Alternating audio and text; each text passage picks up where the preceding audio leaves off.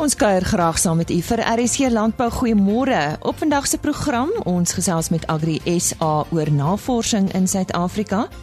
Dan praat ons oor kuilvoer en die droogte. Ons praat ook met Hortgrou oor die appel- en peerbedryf. En ons stel u voor aan die 2018 Toyota Nasionale Afslaer wenner. Ons eerste onderwerp van bespreking vir oggend is kuilvoer. Ons uh, gesels nou met uh, Johan Mouton. Hy is die tegniese bestuurder by RCL Foods. En ons gaan met hom praat oor kuilvoer.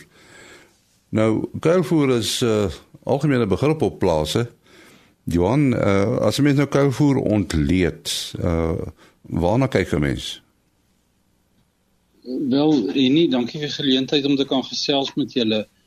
Kuilvoer as reël word word algemeen gebruik op die plase. Jou vraag rondom die ontleding, die twee hoofgoed wat ons maar na kyk uit 'n voedingsoogpunt uit is die proteïenwaarde van die kuilvoer, die, energiewaarde en dan kyk ons bietjie na die vesel en die mineraalsamestelling ook.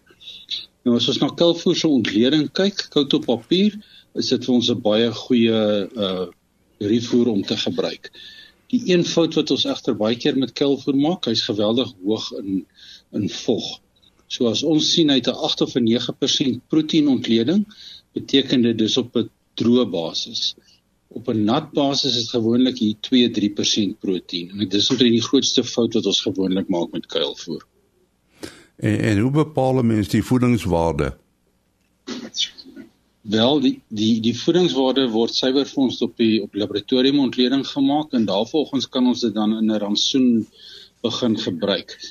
Die verwarring kom gewoonlik daarbey in dat ons nou vir die argument sien ja, ons het goeie kuilvoer van 'n 9 of 'n 10% proteïen en ons sien in die boeke ja, dier wat in 'n kraal staan het waarskynlik 12, 13, 14% proteïen nodig en ons dink ons kan baie naby aan voerkraal prestasie kry deur net kuilvoer vir die diere te gee.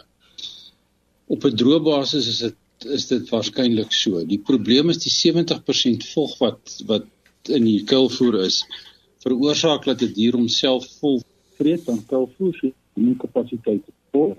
En veral by jonger diere is dit 'n probleem. Maar die die, die werklike droommateriaal inname wat hy gehad het is te min.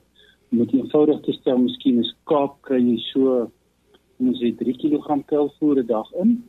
Dit beteken hy gaan so 10 kg droommateriaal inneem maar sy behoefte is amper 2 kg droommateriaal. So ten spyte daarvan dat die dier homself vol eet, het ons eintlik 'n tekort aan droommateriaal wat maak dat ons kuilvoer beperkend in 'n rantsoen kan insit tot so ronde syfers omtrent 30%. En uh, hoe kom mens aanpas uh, vir 'n beter prestasie?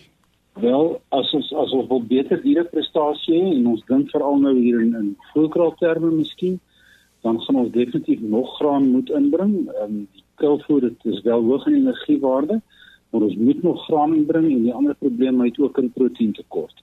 So ons moet 'n konsentraat van een of ander aard bybring. Baie keer net om ons voggehalte reg te kry, is ons lief om ook 'n bietjie hooi in te sit. Alhoewel dit nie so krities is nie. So goeie diereprestasie in 'n voerkraal rondom 30% kuilvoer. Uh uh Dompie mielies, miskien bietjie hooi en gewoonlik so 16 na 20% proteïen konsentraat wat ons moet bygee. En, en natuurlik uh die die voer omsetverhouding is ook belangrik, né? Nee?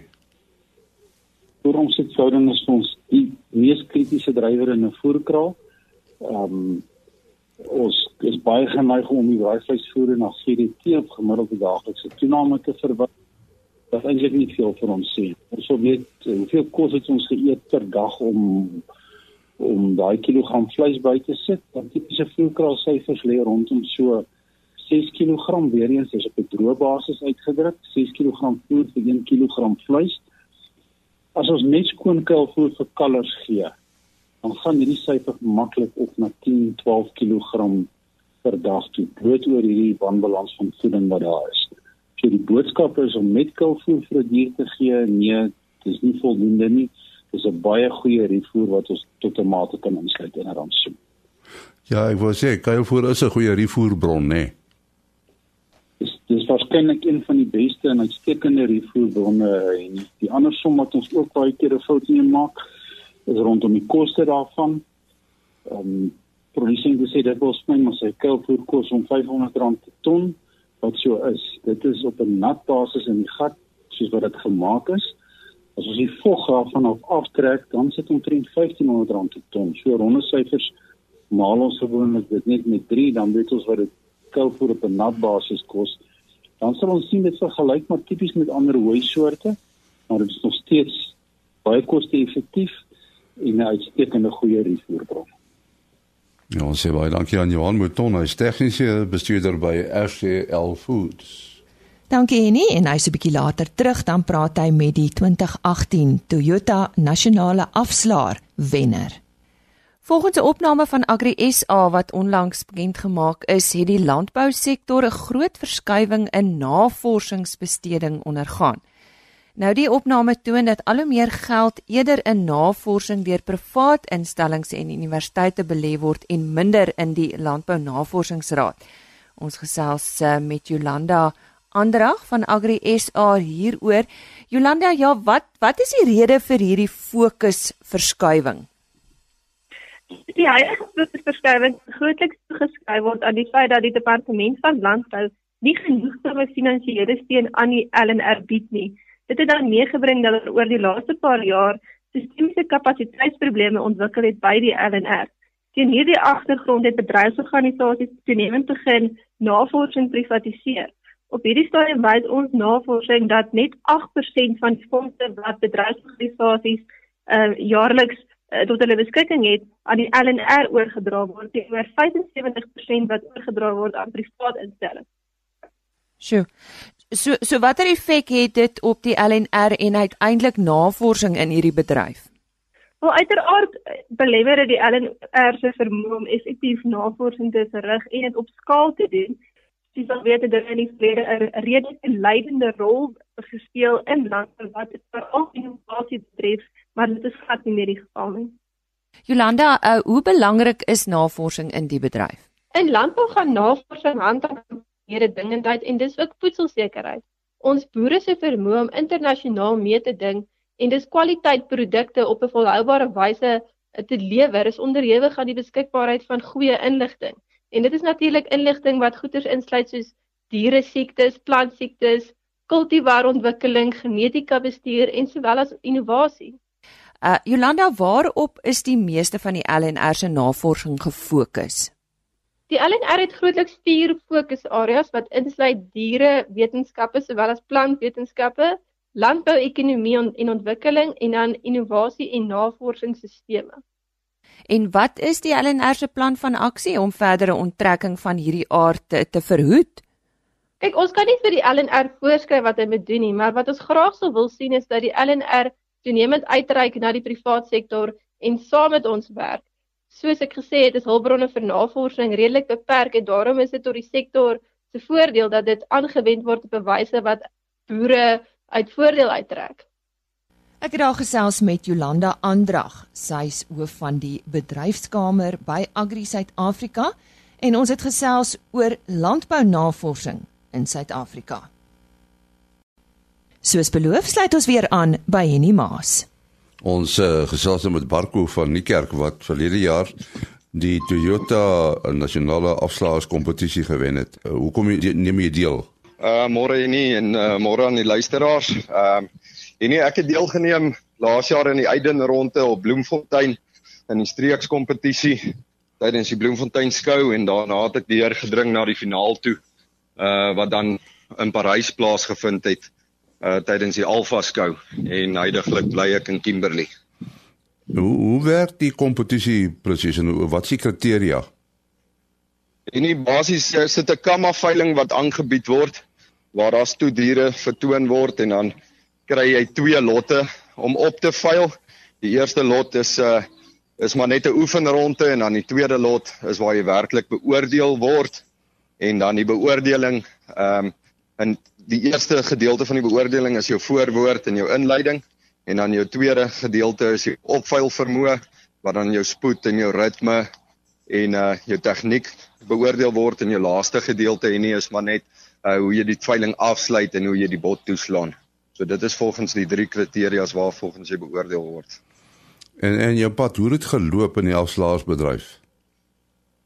En nie, ek het so in 2014 betrokke geraak in die lewende hawe bemarking gedeelte as 'n veebemarker en daarna het ek uh, begin belangstel in die afslaers kant van die van die veebedryf en uh, ek het die geleentheid gekry om so 'n bietjie op 'n Woensdag uh op te veil en uh, toe ek afslaerskool toe gegaan en myself gaan kwalifiseer as 'n as 'n afslaer en toe daarna het ek ingeskryf vir die kompetisies. Was daar dinge wat 'n bietjie moeilik was vir jou? Ja, en nie, ek dink ehm um, die afslaarsbedryf ehm um, vir 'n afslaer of 'n jong afslaer om in te kom uh om die geleentheid te kry om op 'n rostrum te te kan staan is moeilik omrede die afslaers wat heidaglik in die bedryf is, ehm um, is al lank in die bedryf en dit is 'n beroep wat jy baie lank kan beoefen. Ehm um, so dit is moeilik om in te kom, maar uh die platforms wat daar buite is wat geskep word deur uh Veeplaas en en uh Toyota SA gee jou die springbord om om die mark te betree. Nou ja, jy was laas jaar nog 'n deelnemer maar uh net onlangs was jy 'n beoordelaar. Was dit nie 'n taamlike sprong nie? En ja, ek het die geleentheid gehad hierdie jaar om om van die jonger ehm um, afslaers te beoordeel ook by die Bloemfontein Uitdun ronde. Ehm um, dit was bietjie anderste om uh, om nie op die rostrum te staan nie, maar wel wel by die by die beoordeling kan te wees. Ehm um, dit is uh daar's ook maar druk op 'n ou om die regte keuses te maak. Die ouens uh, wat opgeveil het is redelik naby aan mekaar met hulle opveil tegniek, so die keuses wat 'n ou moes gemaak het was was was nogal moeilik geweest. Uh hoe die afslaarsbedryf uh, hier in ons land uh, gegroei. En nee, ek sal sê die uh, die afslaarsbedryf het uh, oor die, oor 'n hele paar jare baie gegroei. Ek dink tradisioneel was dit baie meer gemik net op lewende hawe. Uh op hierdie stadium is omtrent enigiets wat verhandel word kan op 'n veiling verkoop word, maar as ek ou kyk hoe dit gegroei het in die eiendomsmark en hoe dit gegroei het in in die motor motorvoertuie mark waar daar elke dag daagliks veilinge is en dan lewende hawe waar stoetvee bygekom het en jou kommersiële gedeelte van die veilinge het baie gegroei. Daar's elke dag baie baie veilinge in die land. Hoekom is 'n goeie afslaer so belangrik vir die veebedryf? En nee, ek dink 'n goeie afslaer vir die bedryf ehm um, is belangrik want ehm um, 'n bedryf met baie druk op op die op die afslaer self omdat jy omdat jy basies met met 'n kliënt wat aan ons kant in die lewende hawe vir jare lank al sy produk mee teel en opbou en ehm um, jy weet hy sit daai verantwoordelikheid in jou hande om om om om dit uh jy weet te verhandel vir hom namens hom. So daar's baie druk op jou. Ehm um, en dan aan die ander kant sit jy met jou koopkrag wat dit dalk teen 'n teen 'n billike prys wil hê en dan jou verkoper se kant, hy wil die beste prys hê so om die middeweg te kry. Ehm um, is baie belangrik um, en daarom moet jy goed wees in jou werk. Wat maak 'n uh, afslaer 'n uh, goeie afslaer? Ek uh, meen nie ek dink 'n goeie afslaer is 'n ou wat um, wat goed met mense oor die weg kom en goeie mense kennis het. En ehm um, soos ek nou net gesê het, hy moet die belange van beide partye, die verkoper en die koper, ehm um, jy weet moet hy in ag neem en uh, hy moet die goue middeweg tussen die twee vind.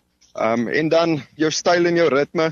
Um, jy moet aanklank die manier hoe jy dit doen met aanklank vind by die mense op die veiling en jy moet die mense geïnteresseerd hou in die veiling en ek dink as jy as jy dit reg kry dan het jy die goue middeweg gevind ja. Uh jy gaan nou blykbaar Calgary toe na die Calgary Stampede in Kanada. Uh, wat behels dit? Ehm um, nee, dit is die internasionale afslaerskompetisie waar uh deelnemers of afslaers reg oor die wêreld te mekaar gaan gaan gaan deelneem. Daar's um, deel deelnemers van Australië, daar's deelnemers van die VSA, daar's deelnemers van uh van Kanada en dan ek myself dan nou van van Suid-Afrika. Ehm um, en dit gaan baie wees soos wat ons reeds hier in Suid-Afrika met die met die afslaerskompetisies gedoen het. Ehm um, dis baie dieselfde. Die eerste dag veil jy lewendige veiling op waar jy werklik diere verkoop en dan die die tweede dag ehm um, is waar hulle die top 10 ouens wat deelgeneem het dan kies en hulle is dan in die finale ronde waar die uh, waar die wenner dan aangewys word. Ja, ehm um, Barco die die aanlyn veilinge uh, is besig om toe te neem. Beïnvloed dit die tradisionele afslaersberoep? Die aanlyn veilinge is besig om toe te neem. Ek dink ehm um, as ou kyk na die lewende hawe kant, is hulle is daar 'n bietjie van 'n toename, maar ek dink die tradisionele manier van van opveil en veiling hou aan die lewende hawe kant uh, is nog baie sterk en die rede daarvoor is omdat um, die kopers verkies om diere lewendig op op die hoef te sien.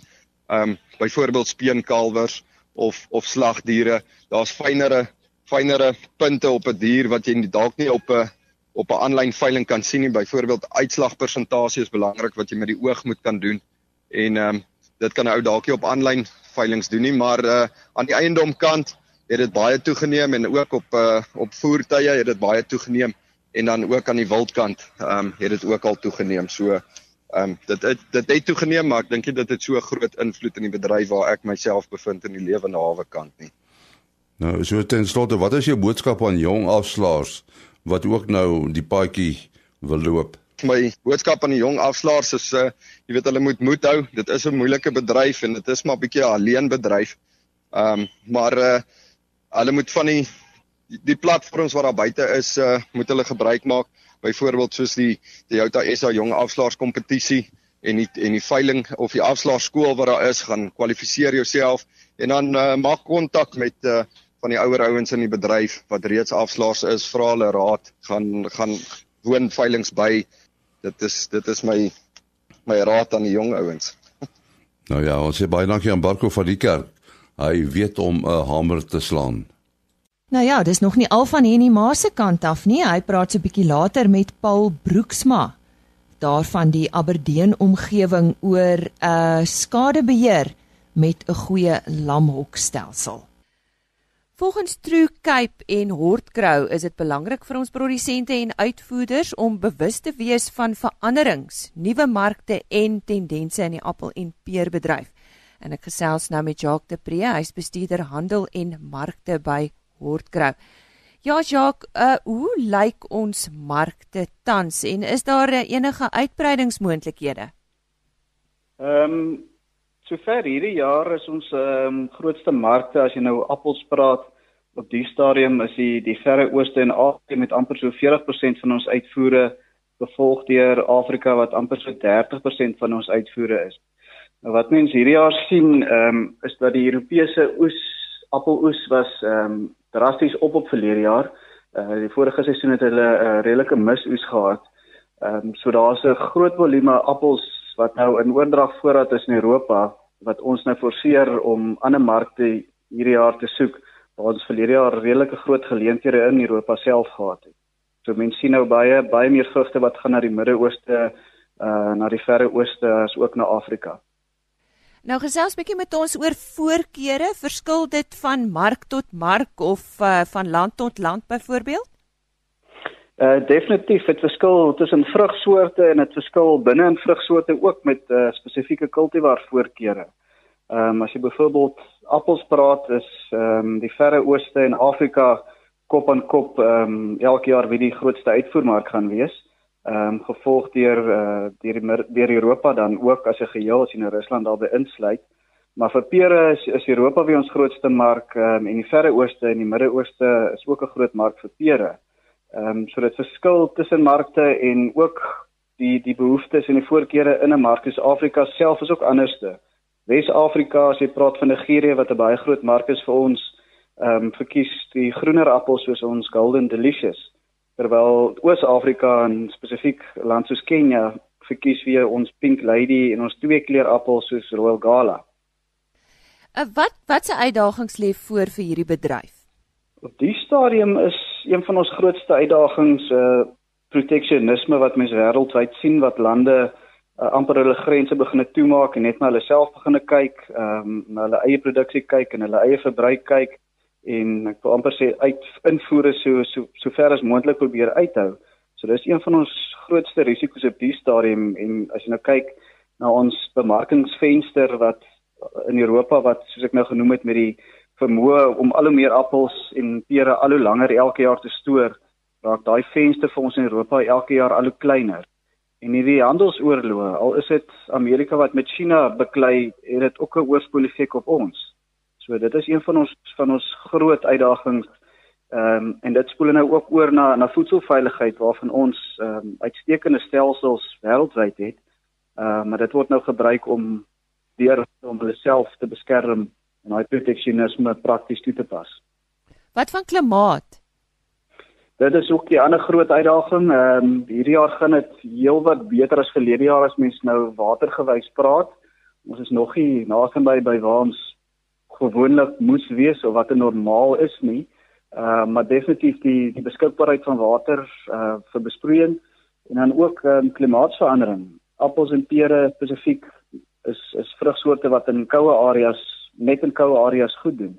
So ehm um, die areas waar jy spesifiek appels kan plant raak raak minder en kleiner. Ehm um, en ons sal moet aanpas by by die veranderende klimaat.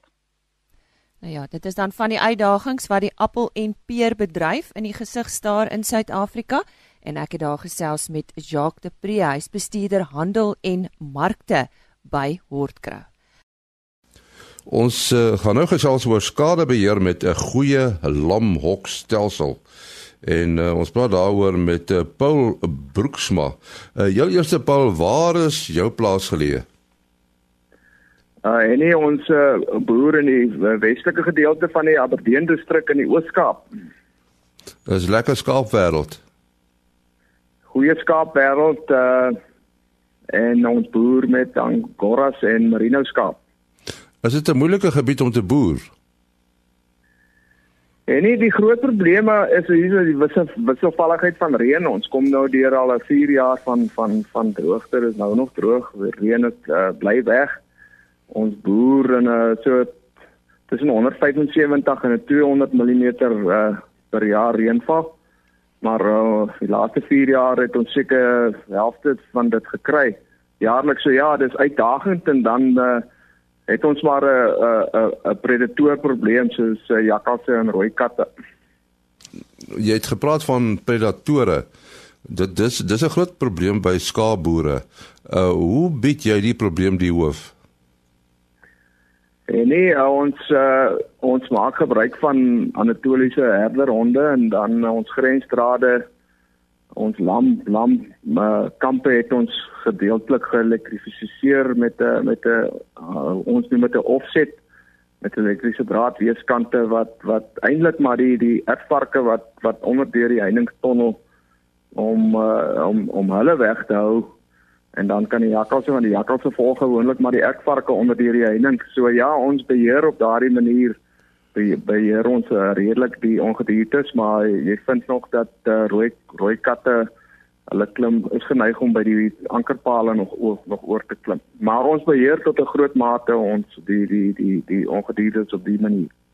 So hele stelsel is 'n ekstensiewe stelsel maar met lamhokke. Ja, en nee, weet ek het uh, glad nie besproeiing nie uh, als uh, als word alle produksie vind plaas op natuurlike weiding, die veld Karoo veld met uh, doring doringboomleegtes en dan die die die hokkiestelsel gebruik ek uh, net vir my neerlinge. Ehm um, die die enkel oeye die die die die is lama is natuurlik op op op op die veld.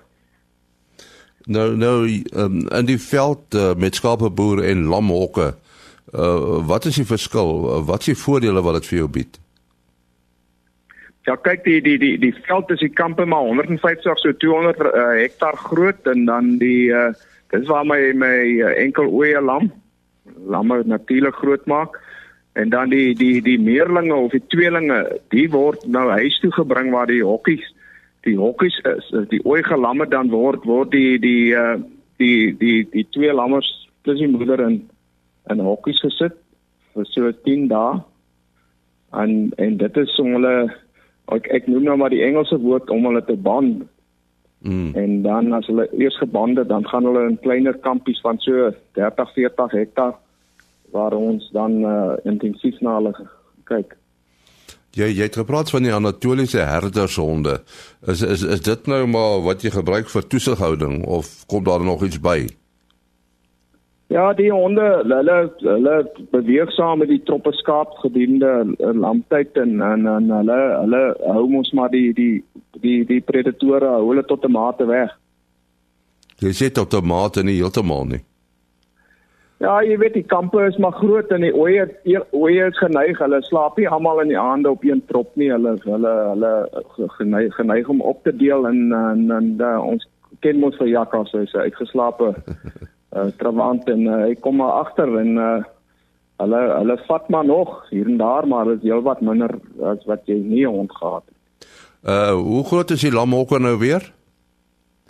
Die lamhokkies wat ek my meerlinge in lam, dis hier voor my huis, hulle is so 'n meter by 1.8 meter.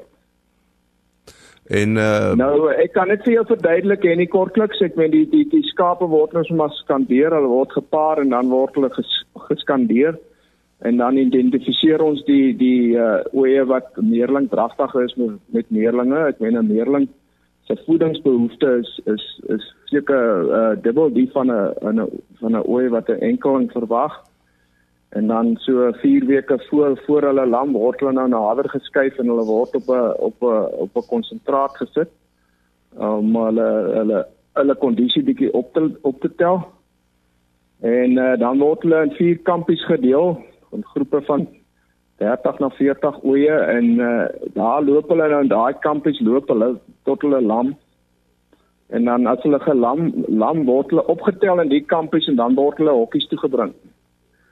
En en dan daar staan hulle nou vir 10 dae en daarna gaan hulle nou weer uit in kleiner kampies wat om die huis is en waar ons hulle nou beter aandag kan gee.